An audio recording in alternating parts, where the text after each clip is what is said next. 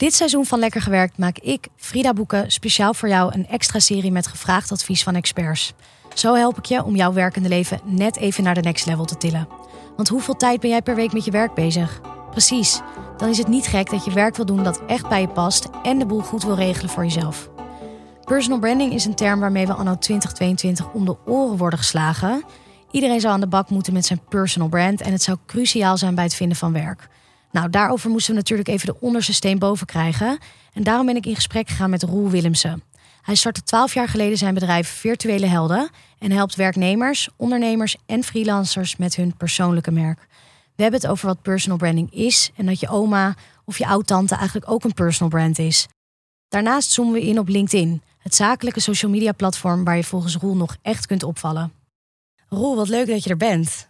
Uh, jij bedankt voor de uitnodiging. Welkom. Dankjewel. Um, voordat we hier helemaal induiken, stel je staat op een verjaardag en je moet aan je oud-tante uitleggen wat voor werk je doet. Hoe pak je dat dan aan? Nou, wat ik zou vertellen is, joh, uh, uh, tante, we hebben twee werelden. We hebben online en we hebben offline. En dat zijn nog heel lang zijn dat twee werelden, maar ze komen wel steeds dichter bij elkaar. En wat ik doe, ik laat me in de echte wereld en ik laat me in de online wereld, laat ik me gewoon heel vaak zien. En ik laat me zien op zo'n manier, is dat mensen precies weten wie ik ben, waarvan ik ben, wat ik doe hoe en, en hoe ik over dingen denk. Maar daar, kan je daar geld mee verdienen? Denk het wel. Want ik denk wel dat je tante dat gaat vragen van, hè, maar hoe verdien je daar geld mee? Ja, precies. Nou ja, zoals ik er geld mee verdien, uh, is door mensen te helpen zichzelf op die manier te, uh, te positioneren, te profileren. Um, ook heel veel mensen moet ik teleurstellen en zeggen, joh, ik denk niet dat het wat voor jou is. Want dat is namelijk uh, een heel belangrijk ding om te beseffen. Je moet het echt voor jezelf doen. En als jij weet wat je verkoopt en je weet wanneer je dat kan verkopen, dan kun je er heel goed geld mee verdienen. Ja. Het kan echt van belang zijn voor je, voor je eigen carrière, maar ook voor je werkgever. Ja, dus eigenlijk zeg je je oud-tante, ik geef andere mensen advies over hoe ze zichzelf moeten presenteren online en offline. Zeker. Ja? ja. Had ik het goed samen? Ja. Top. Waarom is het zo belangrijk, een personal brand? Voordat ik antwoord geef op die vraag, wil ik graag benadrukken dat personal branding niet voor iedereen is. Dus ja, het is belangrijk. Ja, iedereen is zijn eigen personal brand. Iedereen is zijn eigen merk. Alleen de misvatting met personal branding als een buzzword, zoals jij het net al schetste, is dat dat dan ook gelijk op social media moet zijn. En daarvan moeten we misschien even een stapje terug en kijken, joh, maar wat is personal branding? Ik zie personal branding is hetzelfde als jij je eigen merk. En ik denk dat iedereen voor iemand een autoriteit is. Dus als jij een winkelhaak in je hemd hebt, wie bel jij om hem te naaien? Als je eventjes geen inspiratie hebt om te koken, wie bel jij voor een leuk gerecht? Dat zijn mensen die al hun eigen merk zijn op dat specifieke gebied. En dat kan dus ook binnen je eigen kring zijn, dus onder je vrienden. Iedereen is dus zijn eigen merk. Voor je buurvrouw, voor de buurman, voor je vrouw, voor een vriend. Ja, dus dan voelt die naam die benaming van een merk voelt dan misschien gewoon heel erg gecommercialiseerd. Terwijl het eigenlijk gewoon betekent uh, dat jij een mini-autoriteit bent of een maxi. Dat kan natuurlijk ook. Maar dat het niet per se uh, gecommercialiseerd hoeft te zijn. Zeker. We hebben heel erg, uh, heel erg de, de vergelijking met influencers. Influencers zijn in feite hun eigen personal brand. Mm -hmm. Dus daarmee leggen we al gelijk de link met een miljoenen publiek en duizenden euro's per post verdienen, dure auto's rijden, lipstickies promoten. Maar dat is niet per se wat het is. Als je teruggaat naar de middeleeuwen, wisten we ook precies uh, bij wie we moesten zijn. Voor de groente, de slager, om de, de, de hoeven van je, van je paard te verzorgen. Je wist precies bij wie je moest zijn. Mm -hmm. Alleen dat was, dat was heel klein, heel kleinschalig. Er stond zelfs een muur omheen om dat dorp. Maar die muren die zijn weg. De wereld is groter geworden. Dus hoe ga je er nou voor zorgen? Is dat jij gaat opvallen in het netwerk. En je mag dus zelf bepalen hoeveel mensen je wil bereiken. Als jij zegt, joh, social media niks van mij. Doe het vooral in je offline netwerk. Ze zullen echt blij met je zijn. Want wat heb je er eigenlijk aan als je een personal brand hebt? Uh, nou, een aantal dingen. Kijk, sowieso zie ik bijvoorbeeld LinkedIn zie ik als netwerken. En dat betekent dat mensen weten wie je bent, waarvan je bent. Dat ze weten wat je doet en hoe je denkt. En ik denk dat als mensen jou een keer nodig hebben, dat ze dan aan jou denken. Je wil juist dat mensen aan je denken op het moment dat het zover is. En dat doe je door jezelf te laten zien. En dat is waar personal branding om de hoek komt. Omdat het is het, het cliché, het is niet voor niks een cliché, maar mensen doen zaken met mensen. Mensen connecten met mensen. Dus als ik een verhaal vertel waarin ik laat doorschemeren dat ik een gezin heb, dat ik kinderen heb, dat ik, dat ik getrouwd ben, maar dat ik ook ondernemer ben en dat daar wat uitdagingen in verscholen zitten. Als ik op dat level kan connecten met een andere ondernemer, dan, dan sta ik al 2-0 voor als er een salesgesprek gaat Want dan komen. denkt hij, Roel is ook een echt mens met dezelfde uitdagingen als ik. Ik voel een bepaalde connectie. 100 Ja. Ja. Wat jij dus eigenlijk zegt is, of dat nou is of je iets wil verkopen, of dat je uiteindelijk iemand wil die jou gaat aannemen voor je volgende baan. Ja. Ehm, dat kan je beide bereiken door in het oog te springen van je netwerk. Zeker, ik denk dat het, eh, het werkt voor je carrière. Waar je ook werkt. Mensen zeggen ook nee, ik ga niet op LinkedIn, want eh, eh, ik ben eigenlijk heel blij met mijn baan. En dan denk ik, beter. Je hebt gewoon geen enkele noodzaak. Je hebt geen enkele verkoopdrift of KPI's die je moet, eh, eh, die je moet halen. En je mag gewoon jezelf laten zien. Go for it. Dat zou ik zeggen. Ja, want dan kom je veel meer iets brengen in plaats van dat je iets komt halen. Dus dat voelt voor de mensen die dat zien ook veel authentieker en prettiger. Zeker. Ik bedoel, de, de pandemie begon. En opeens zag ik allemaal mensen die ik nog nooit had gezien. En die kwamen allemaal halen. Oh, we hebben mensen nodig. Oh, we hebben werk nodig. Eh, Ze kwamen alleen maar halen. Ik heb je dus nog nooit gezien. En je laat je alleen maar zien op het moment dat jij iets nodig hebt. Ja, dat is niet mijn eh, definitie van netwerken. Ja, Mijn definitie van netwerken is elkaar vaker zien, vaker spreken, tijd en aandacht voor elkaar hebben, elkaar zodat, helpen. zodat als puntje bij paaltje komt, dat je ook geneigd bent om een ander te helpen. Tuurlijk. Ja. Ja. En stel je denkt, ik wil hiermee aan de slag, mijn persoonlijke merk. Waar begin je dan? Eh, bij het begin. En het begin is wat mij betreft weten voor wie je schrijft. Ik zie heel veel mensen die lukraak eh, berichten aan het schrijven zijn. De ene werkt wel, de ander werkt niet. Als ik het over de, over de zomervakantie heb, gaat mijn post hartstikke goed. Maar als ik het over mijn werk heb, dan heb opeens niemand En interesse. hebben we het nu specifiek over, dan hebben we het dus specifiek over online netwerken of online personal brand bouwen eigenlijk. Want jij noemde net van het is ook offline, je Ik denk personal dat, dat, brand. dat die twee verhalen in lijn moeten liggen met elkaar. Ook de manier waarop jij je online beweegt en online gedraagt, Mhm. moet in lijn liggen met hoe jij je offline gedraagt. Als jij online de lolbroek gaat uithangen, terwijl je offline echt mega surf bent, dat is een beetje raar. Dus wees vooral jezelf. Blijf, blijf ook vooral Ja. jezelf. Ik zie dus heel veel mensen die dus berichten schrijven waarvan de platte berichten het wel goed doen, de zakelijke berichten het niet goed doen. En als ik dan vraag, maar voor wie schrijf jij eigenlijk? Dan zeggen ze, ja, eh, pff, eh, is, mm, eh, voor, voor mijn netwerk. Of ondernemers. dat, of- dat klinkt als een te grote groep. Dat is wat, dat is wat ze dan, wat, wat heel vaak wordt, eh, wordt aangegeven. En daarvan denk ik, oké, maar dit is de reden dat jouw post van links, van links naar rechts schieten. Omdat je niet weet voor wie je schrijft. Dus ik zou iedereen willen adviseren, bedenk goed voor wie jij wil schrijven. Ben jij op zoek naar een nieuwe baan? Bij wie moet jij in de smaak vallen? Wil jij andere HR-managers inspireren? Richt je op de, op de problematiek rondom HR-management. En dit kan ook een vlog zijn of een foto of iets anders, toch? Van, want er zijn misschien ook mensen die houden helemaal niet van schrijven. Mm, eh, ja, dat kan zeker. Al zie ik zie LinkedIn wel als een intellectueel platform. Maar dan heb je dus ook al gekozen dat je op LinkedIn zit. Ik denk dat als, jij, als je weet voor wie je schrijft, dan weet je ook op welk platform je, je wil gaan bewegen. Ja, Ik merk, je hebt gelijk, ik, ik zit te snel misschien in de LinkedIn-hoek, omdat ik zelf op- eh, op LinkedIn, eh, eh, ik, ik richt mijn pijlen op LinkedIn.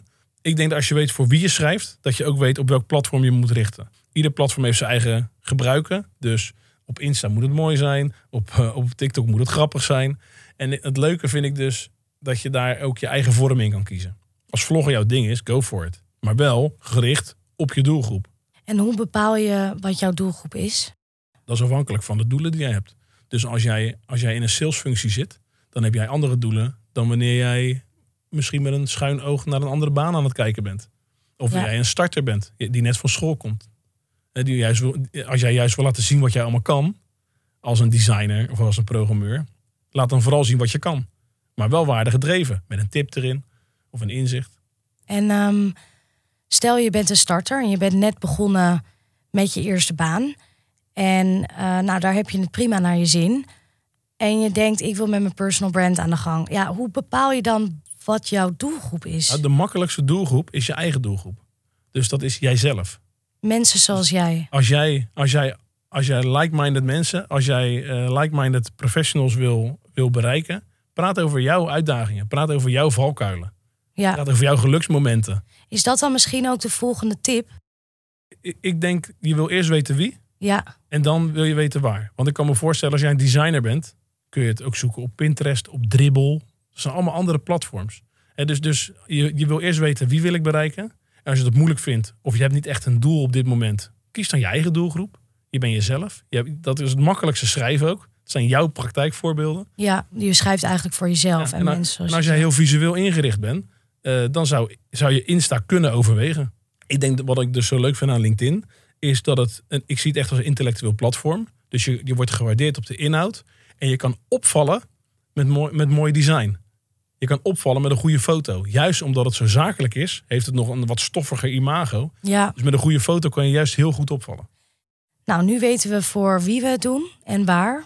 Dan kunnen we nu gaan praten over wat.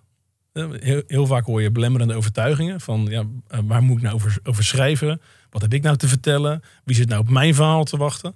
Dat zijn dingen die ik nou wekelijks hoor. En ik denk als jij weet voor wie je schrijft en je weet waar je schrijft, dan kun je je echt gaan verdiepen in die persoon. Dus denk eens na over de uitdagingen waar zo iemand tegenaan loopt. De aannames die zo iemand heeft. De geluksmomenten. De pijnpunten de problemen, de vragen die zo iemand aan, eh, aan de telefoon krijgt van een klant of een leverancier. Of de opmerking van een collega bij het koffiezetapparaat. Ja, je wil dus eigenlijk dat het voor jouw doelgroep altijd heel herkenbaar is. Herkenbaarheid is essentieel. Dus je gaat op zoek naar uitdagingen, eh, pijnpunten, eh, dingen die je bij het koffiezetapparaat hoort. Misschien wel dingen waar je heel blij mee bent. Ja, opmerkingen op het schoolplein, opmerking van je vrouw. ja. Verzin er wat van. ja. Ver- Verzin wat. Maar dat, dat is gewoon die herkenbaarheid dat je denkt: hé, hey, dit heb ik gehoord, of dit heb ik, of daar heb ik last van, of eh, daar hoorde ik hem of haar laatst over. Misschien, misschien dus het moet ook misschien dus in geven. een best wel kleine situatie zijn eigenlijk. Het moet dus ook niet, want ik hoor jou ja, iets op het schoolplein of iets wat iemand heeft gezegd bij het koffieapparaat. Dat zijn niet hele grote Nee. eh, topics die je dan probeert te tackelen. Maar juist veel meer in het, dat zit er meer in het alledaagse misschien. Zeker. Als je, als je gaat kijken. Kijk, mijn vader die, eh, is een eh, ondernemer. En hij heeft duurzaamheid heeft hij hoog, hoog in het vaandel staan. Als hij een post zou schrijven over hoe we de klimaatcrisis moeten gaan oplossen. Oh, een flink verhaal. Ja, Op het moment dat hij een post schrijft waarin hij mij eh, de tip meegeeft voor joh, zonnepanelen of warmtepomp. Hoe maak je de keuze? Of wanneer kies je voor de een, wanneer kies je voor de ander? Dan ben je van waarde. ja, Dat kan ik morgen toepassen. Maar de oplossing van het klimaat, nu even niet man. ja. Ik ga ze afvegen. en, eh, maar, dat, maar dus dat is wel heel belangrijk om te beseffen. Dat de ontvanger zit daar gewoon simpelweg niet op te wachten. Op een groot topic. Je wil snackable zijn. Je wil makkelijk te consumeren zijn. Dit heb je geformuleerd. Die aannames, pijnpunten, eh, leuke momenten, gekke gesprekken bij het koffieapparaat. Iets wat iemand heeft gezegd op het schoolplein. Wat ga je dan doen met dat lijstje wat je hebt gemaakt? Eh, opschrijven. Eh, ik zou zeggen in Excel of in een eh, to-do-listje, checklistje, Trello, zoiets. Altijd bijhouden. En ervoor zorgen dat als jij ergens loopt, ergens ligt, ergens staat, ergens aan het werk bent. En jij ziet dingen voorbij komen dat je denkt, hé, hey, misschien is dit wel wat voor een post. Gelijk erbij zetten. Dus Ja. constant dat lijstje aanvullen. Tijd reserveren voor jezelf om te gaan schrijven. Pak je je lijstje erbij. Ga je er doorheen, denk je, eh, die vind ik nu interessant. Of eh, daar heb ik nu een goed voorbeeld bij. En dan ga je daaruit schrijven. Dat is wat ik zou adviseren. Heel veel mensen eh, hebben het over contentkalenders en dat soort dingen. Er is een kleine groep mensen waarvoor dat heel goed werkt. Er is een grote groep mensen die zo'n contentkalender maken. Om zich daar vervolgens helemaal niet aan te houden. Omdat er veel te veel actualiteiten zijn waar ze ook op willen inspelen. Ja, precies. Want het voelt ook als eh, best wel een klus. Want je moet aan de ene kant, ik neem aan, zeg maar, een persoonlijk merk, dat creëer je niet eh, over één nacht ijs. Dus je moet ook consistent zijn. En hoe zorg je nou dat ook die onderwerpen altijd geschreven worden in jouw stijl? Dat mensen jou gaan herkennen. Ehm, dat is, denk ik, belangrijk bij zo'n persoonlijk Ja. merk. Ehm, daar zijn twee dingen voor. De eerste is voor jezelf bepalen onder welke pilaren jij wil schrijven. Dus als ik even terugpak naar mijn vader, duurzaam ondernemer. Zijn pilaar zou zijn duurzaamheid. Helder. Dus hij loopt over straat. Hij ziet, ehm, hij ziet een reclamebord op half zeven hangen. Hij ziet gaten in de gevel. Hij ziet eh, deuren wagenwijd openstaan terwijl het snikheet buiten is. Schrijft hij op. En op het moment dat hij gaat schrijven, denkt hij, hey, oh ja, dat was, oh inderdaad, man, die deuren stonden wagenwijd open. Wat ga ik erover vertellen? Wacht even. Mijn pilaar is duurzaamheid. Hoe ga ik daar de parallel trekken met duurzaamheid? Maar anders was het hem toch überhaupt niet opgevallen, die openstaande deuren? Zeker, maar het is, gaat hij gewoon een post maken over openstaande deuren? Nee, ja, je moet het wel Of terug gaat hij, een herleiden. tip, gaat hij een tip geven of een inzicht geven over hoe makkelijk jij daar een besparing kan maken voor jezelf en voor het milieu? Dus je wil altijd voor jezelf weer terugpakken naar, oké, maar waar wil ik het consistent over hebben? Duurzaamheid in dit geval. Oké, dan is ieder onderwerp wat ik ga schrijven, moet her- te herleiden zijn naar duurzaamheid. De andere is tone of voice. Dus hoe praat je? Hoe klink je? Wat voor woorden gebruik je? Ben jij Ja, ga je heel formeel doen? Ja, Of doe je juist ben je heel beetje netjes of heel informeel? Ehm, ehm, wat, wat, ik, wat ik zelf adviseer is, eh, we noemen dat een ste. En je ste is ehm, eigenlijk iedereen. STE? Ja, Of- STE. Iedereen heeft stus. Dus dat betekent als ik aan jou vraag, joh, geef mij eens vijf stus van jou, dan zou jij kunnen zeggen, ik ben de integerste, ik ben de gezelligste. Eh, eh, Klopt ook allemaal. Oké, de, de, de, serie, de serieuste, de, grap, de grappigste. Hè, Dan krijg je, een aan, krijg je een lijstje met stus. En Ja. dan kun je voor jezelf gaan, gaan, eh, gaan bepalen... oké, welke stus wil ik eigenlijk wat uitvergroten op social media? Hè, want als jij bijvoorbeeld de rustigste... of de, Irritantste. de sufste... Of de, of de irritantste, dat is niet per se een ste. eh, Irritantste, dat is een goeie. Dat is niet per se een ste waar je te koop mee wil lopen. Zeker Dat is voor je inner circle. Maar voor het grotere publiek, namelijk social media, is dat niet een stu waar je heel erg te koop mee wil lopen. Dus bepaal voor jezelf drie of vier stus waarvan jij denkt, ja, die zijn interessant. Ja. Als jij de kritischste bent, zorg er dan wel voor dat jij ook in je post kritisch bent. Niet dat je zomaar ja en amen zegt op ieder, ieder issue wat voorbij komt, maar dat je daar een kritische blik over werpt. Dan heb je dat lijstje gemaakt. En dan kan je dus elke keer als je over die open deuren schrijft... of over die kapotte gevels of over eh, god mag weten wat... Ja. kan je dat elke keer toetsen aan jouw lijstje van de stus. Waarin je al een keuze hebt gemaakt van deze wil ik uitvergroten. Ja, precies. Nee, dus je hebt je lijstje. eh, dus dan weet je weet voor wie je gaat schrijven. Je weet waarover je kan gaan schrijven. En dan is het tijd om te gaan schrijven. Ja, Je stus komen daarna weer. Je stus zijn meer een, eh, controle, een controlemiddel. Van oké, ik heb de post geschreven, hij loopt lekker. Maar ik wil de, leergierigste zijn. Maar ik zit hier alleen maar mijn eigen verhaal te vertellen. Ik ben helemaal niet op zoek naar kennis van anderen. Dat kan helemaal niet, want ik wilde de leergierigste zijn. Snap je? Dus, dus dat is wel een en controle. dat is een leuke misschien voor starters... om zo'n soort ste erin te hebben staan. Want dan stel je denk ik ook best wel eh, open op... van ik weet het nog niet allemaal, maar ik ben ready to learn of zo. Zeker, zeker. Ja. ja. En, of stel dat nu iemand luistert en die denkt... Jeetje Mina, dit vind ik allemaal heel groot en heftig. Ik wil wel met mijn personal brand aan de gang... maar dit, dit voelt nog even als een eh, brug te ver. Eh, heb je nog advies voor die personen? Ja, twee eigenlijk. De eerste is als je niet weet hoe je moet schrijven. Op linkedinboekie.nl eh, kun je een boekje downloaden met de acht stappen. ah, van dit de is ideale- ook even wat zelfpromotie. Van de acht, Nou, de acht goed. stappen voor de ideale LinkedIn post. Ehm, eh, het kost niks. Dus eh, zeker de moeite waard om te downloaden. Zet hem even in de show notes. Oh ja, dat is goed. LinkedInboekie.nl. De tweede is reageer op anderen. Wij plaatsen een post. En dan vinden we het leuk als we reacties krijgen. Ik kan me voorstellen dat andere mensen dat misschien ook leuk vinden. Dus op het moment dat je aan het netwerken bent, online, is het denk ik een goed idee om ook die effort te steken in anderen. Ook die aandacht te geven aan anderen. Op de Ja. post waar je echt iets van vindt. Hè? Je hoeft niet op alles eh, goed gedaan of lekker gewerkt te zeggen. Dat is niet wat Nou, ik bedoel. lekker gewerkt, dat kun je zo, eh, niet Ja, vaak nou, genoeg zeggen. je- Sorry. Ja, normaal zeg ik in Rotterdam lekker gewerkt, pik. Maar goed. Eh, Daar hebben wij het wel van afgeleid ook. Oké. maar, dus, maar, maar dat is, ik wil die verdieping. Dus lekker gewerkt, goed gewerkt, eh, eh, lekker Het bezig. is een beetje saaiig of het is Nou, een beetje vlak- middle of the road. oppervlakkig. Ja, Dat betekent dat je een oppervlakkige post had. En dan krijg je oppervlakkige reacties. Dus, dus we willen wel dat als iemand een post aansnijdt waar jij iets van vindt, probeer dan ook inhoudelijk te reageren. Ik merk dat ik op reacties soms meer likes en commentaren krijg dan dat de hele post eh, op zichzelf krijgt. Dus je kan ook echt. omdat er een leuk gesprek ontstaat. Ja, maar ook omdat je ludi- ludiek en eh, inhoudelijk sterk reageert. Ja, dus het hoeft ook niet altijd zo zakelijk. Het kan dus ook best wel, jij zegt ludiek, het kan ook gewoon grappig zijn. Tuurlijk. Nee, maar Ja. fun is wel, ik vind fun een heel belangrijk element. Ja, En dan niet lachen, gieren, brullen. Maar dat mag wel aanwezig zijn. reageren op anderen. Ik vind dat een hele goeie, want ik denk dat dat best wel een concrete manier is om voor mensen te beginnen.